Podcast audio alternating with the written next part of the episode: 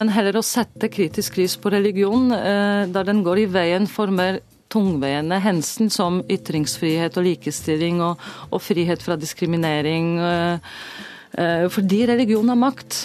Mediene er litt sånn som livet. Den, det skal inneholde ulike ting. Harde, harde nyheter, nyhetsjournalistikk, avslørende saker. Men den skal også ha denne dimensjonen, fordi dette er en, det er en del av, dette er en del av mennesket. Mediene må dekke hele mennesket, ikke bare, bare deler av det eller totaliteten i NRK sitt tilbud, mener jeg representerer bredda i det norske samfunnet. Og vi klarer også å gå bak konfliktene. Spørsmålet er jo selvfølgelig om vi gjør det nok. Kurer. Gjenspeiler livssynsjournalistikken vårt multikulturelle samfunn? Er norske medier flinke nok til å forklare sine lesere, lyttere og seere om de pågående ideologiske og religiøse debatter, og løser media sitt samfunnsoppdrag også med å drive en kritisk og undersøkende journalistikk inn mot disse miljøene. Det er tema for denne utgaven av Kurer.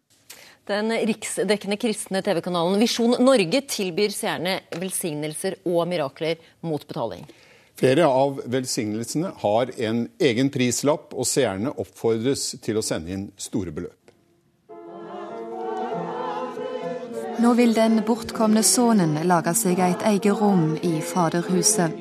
Under dagens gudstjeneste i prestegarden i Borge gjorde Ludvig Nessa kjent at han har danna sitt eget prosti sammen med Børre Knutsen og Per Kørner.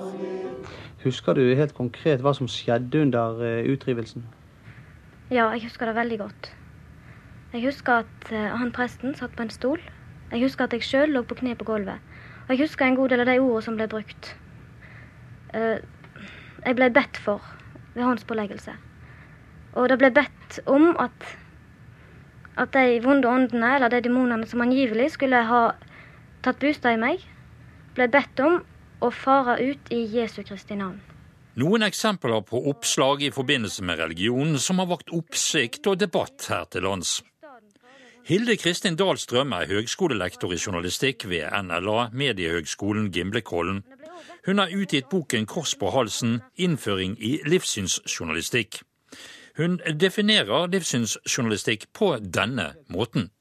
Ja, det er veldig viktig for meg at det handler om vanlig journalistikk. Det er vanlig journalistisk metode på tema livssyn. Og livssyn er et stort tema som har mange sider.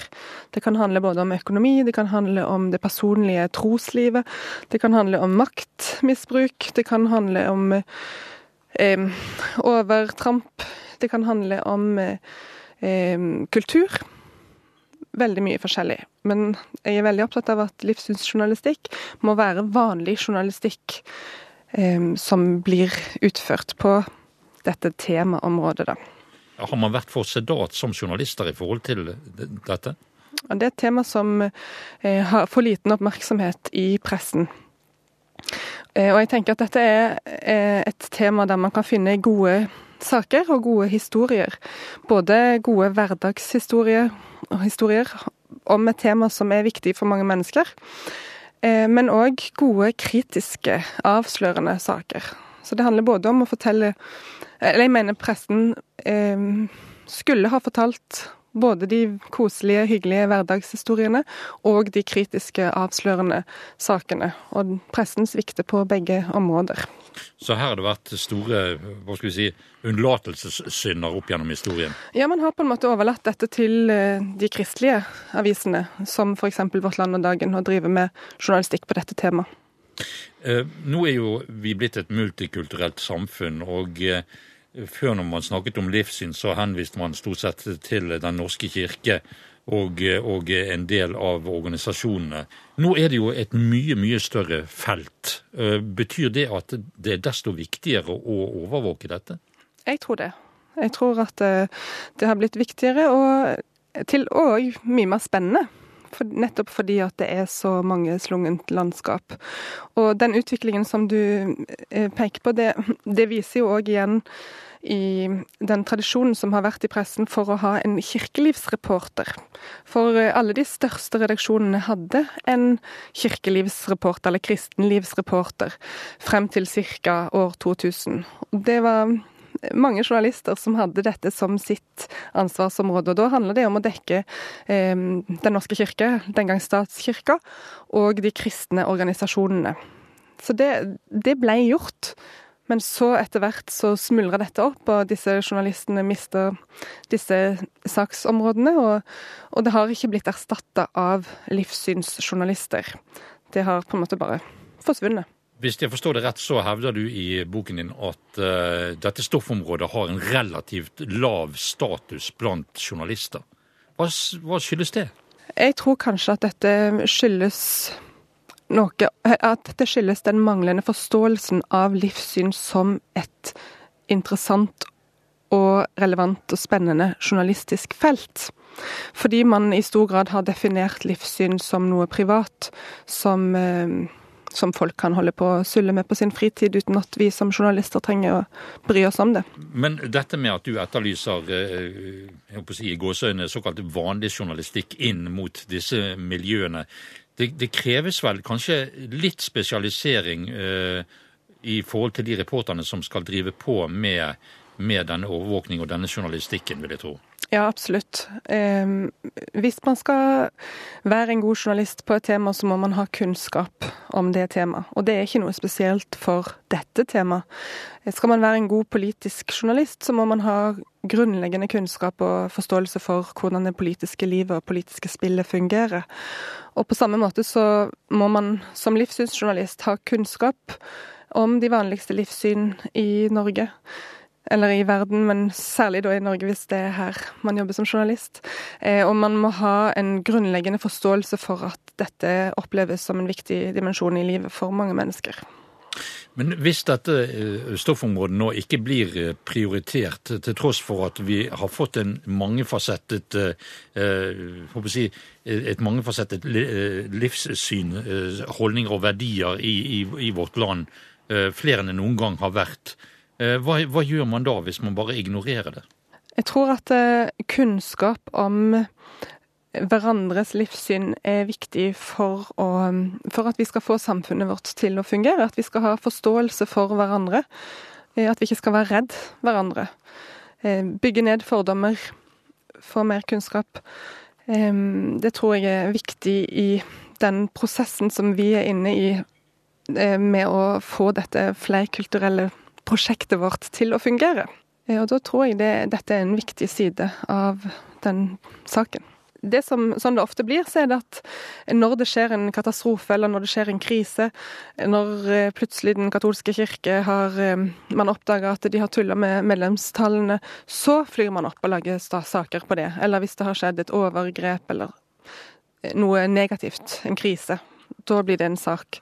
Men jeg tror hvis man hadde via dette stoffområdet mer oppmerksomhet eh, på det jevne, så ville man òg ha bedre forutsetning for å dekke eh, sakene når krisen skjer.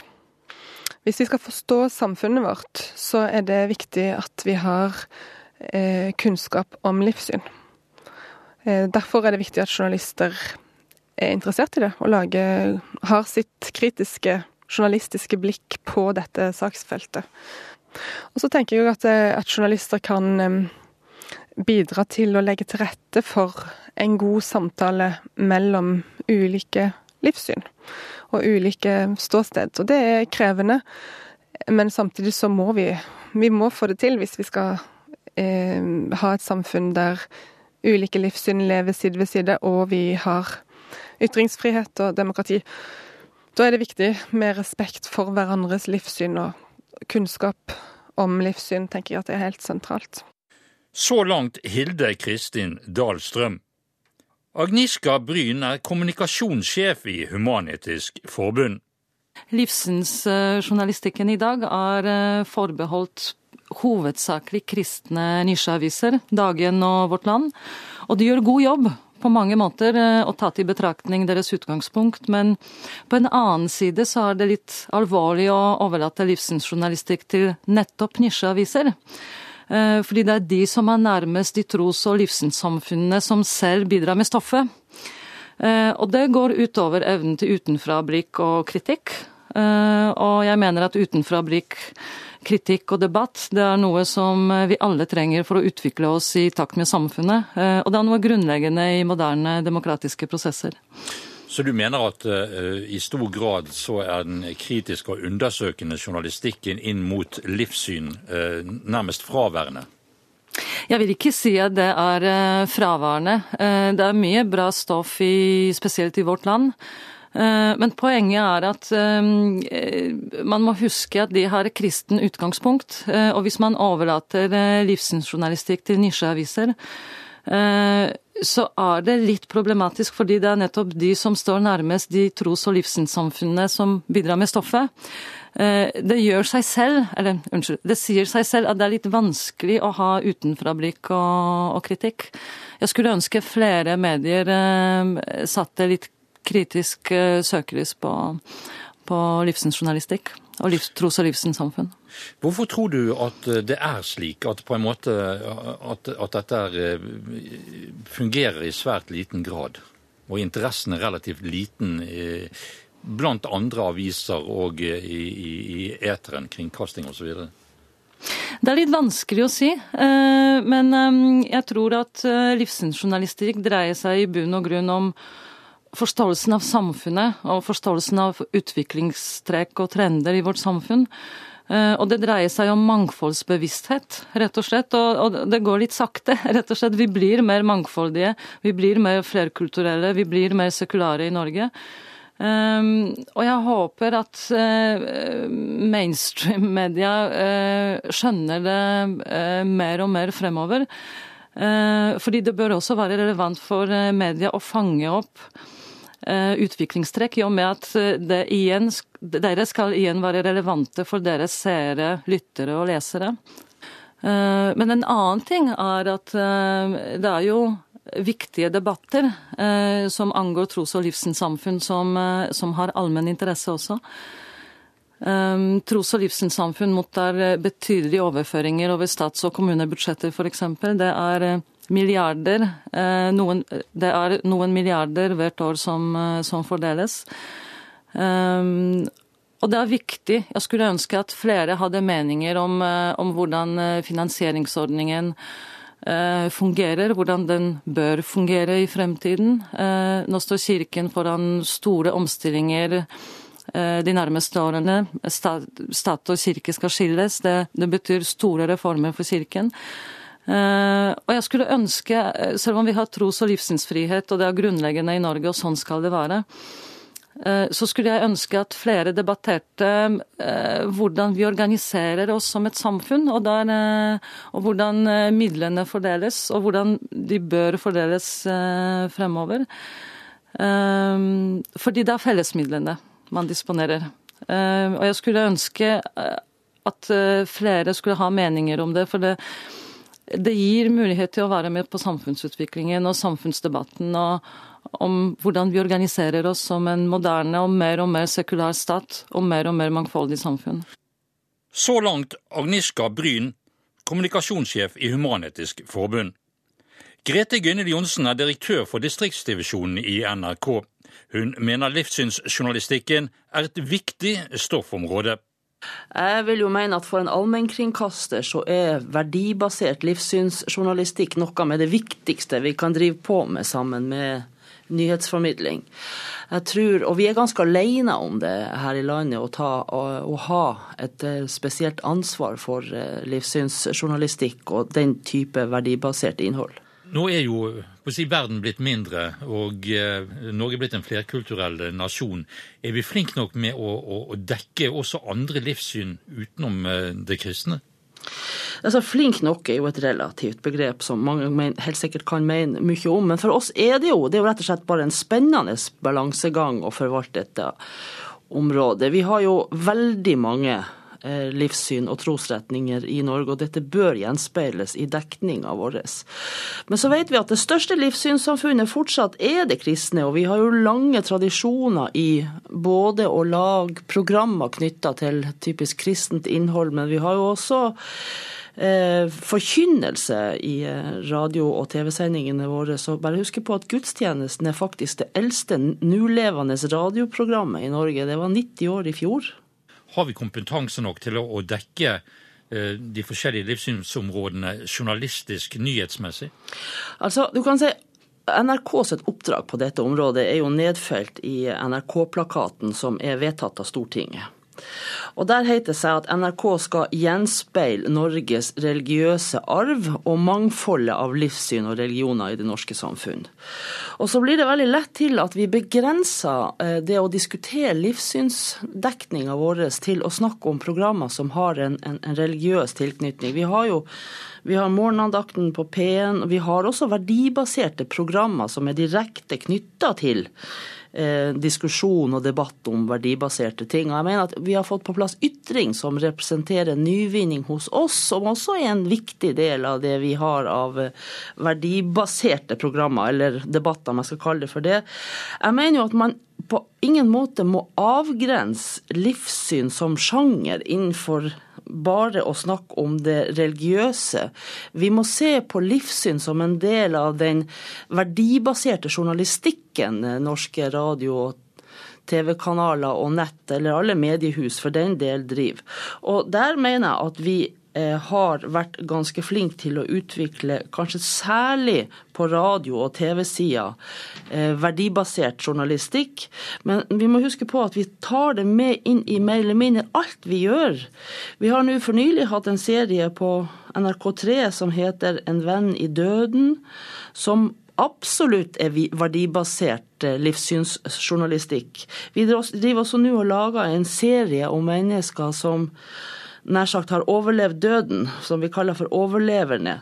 Og Der får vi også innsyn i menneskets opplevelser knytta til dette med religion og, og, og, deres egne menneskelige verdier. Og vi kommer også til å ha eh, program knytta til den muslimske høytiden id. Vi har hatt Are Sende Osen, som har forska i alle religioner som er her i landet. Alle livssyn som er her i landet. Han kommer også med en ny serie nå. Sånn at jeg tror at vi, at vi tar nok vare på bredda i det som er det verdibaserte den verdibaserte journalistikken. Det som er den sterkeste diskusjonen her i landet, er jo hvorvidt NRK også skal drive med, med overføring av forkynnelser. Og det har vi gjort et valg på, at det mener vi er en del av den religiøse arven som vi skal bringe videre. Um, men hvis du skal si noen ord om NRKs utfordringer på, på denne fronten, altså innen journalistikken når det gjelder eh, verdibasert journalistikk, hva vil du si eh, ligger fremfor oss som en, en utfordring? Altså det, det, som er, Hvis du snakker om den generelle nyhetsjournalistikken, så er jo den generelle nyhetsjournalistikken tufta på litt harde nyheter. Som, det er jo det som preger nyhetsbildet, med konflikter og med good guy og med bad guy. Den verdibaserte journalistikken vil kanskje, og det å gå bak konflikter og fortelle hvorfor vi har disse konfliktene, kanskje de store, brede internasjonale konfliktene, det klarer vi kanskje ikke å løfte godt nok opp i den alminnelige journalistikken. Men vi har jo programmer som tar vare på dette.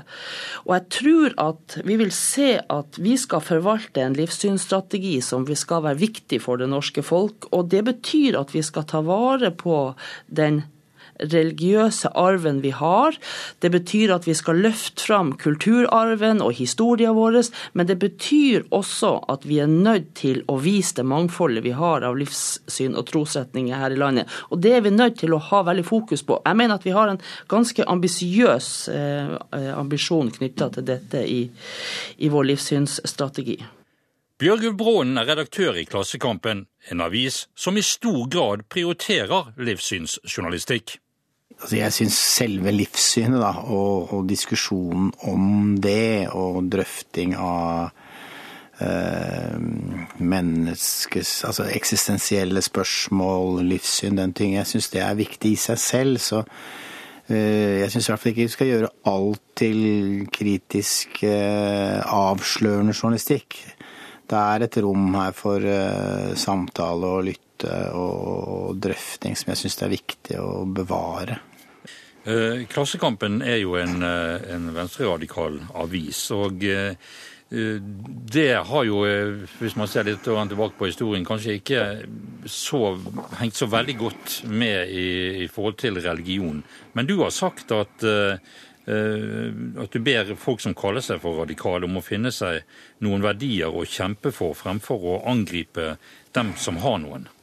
Ja, det er ikke sånn at jeg er mot uh, strid om forskjellige livssyn. Det er jo det som er, um, det som er uh, mye av essensen i sånn som vi tenker, at, at, ulike livssyn skal stilles opp mot hverandre. Men jeg syns jo også at, at, uh, at folk med et tydelig livssyn religiøst skal få lov til å presentere det og legge fram det og argumentere for det og vise fram hvordan, hvordan det er sammensatt.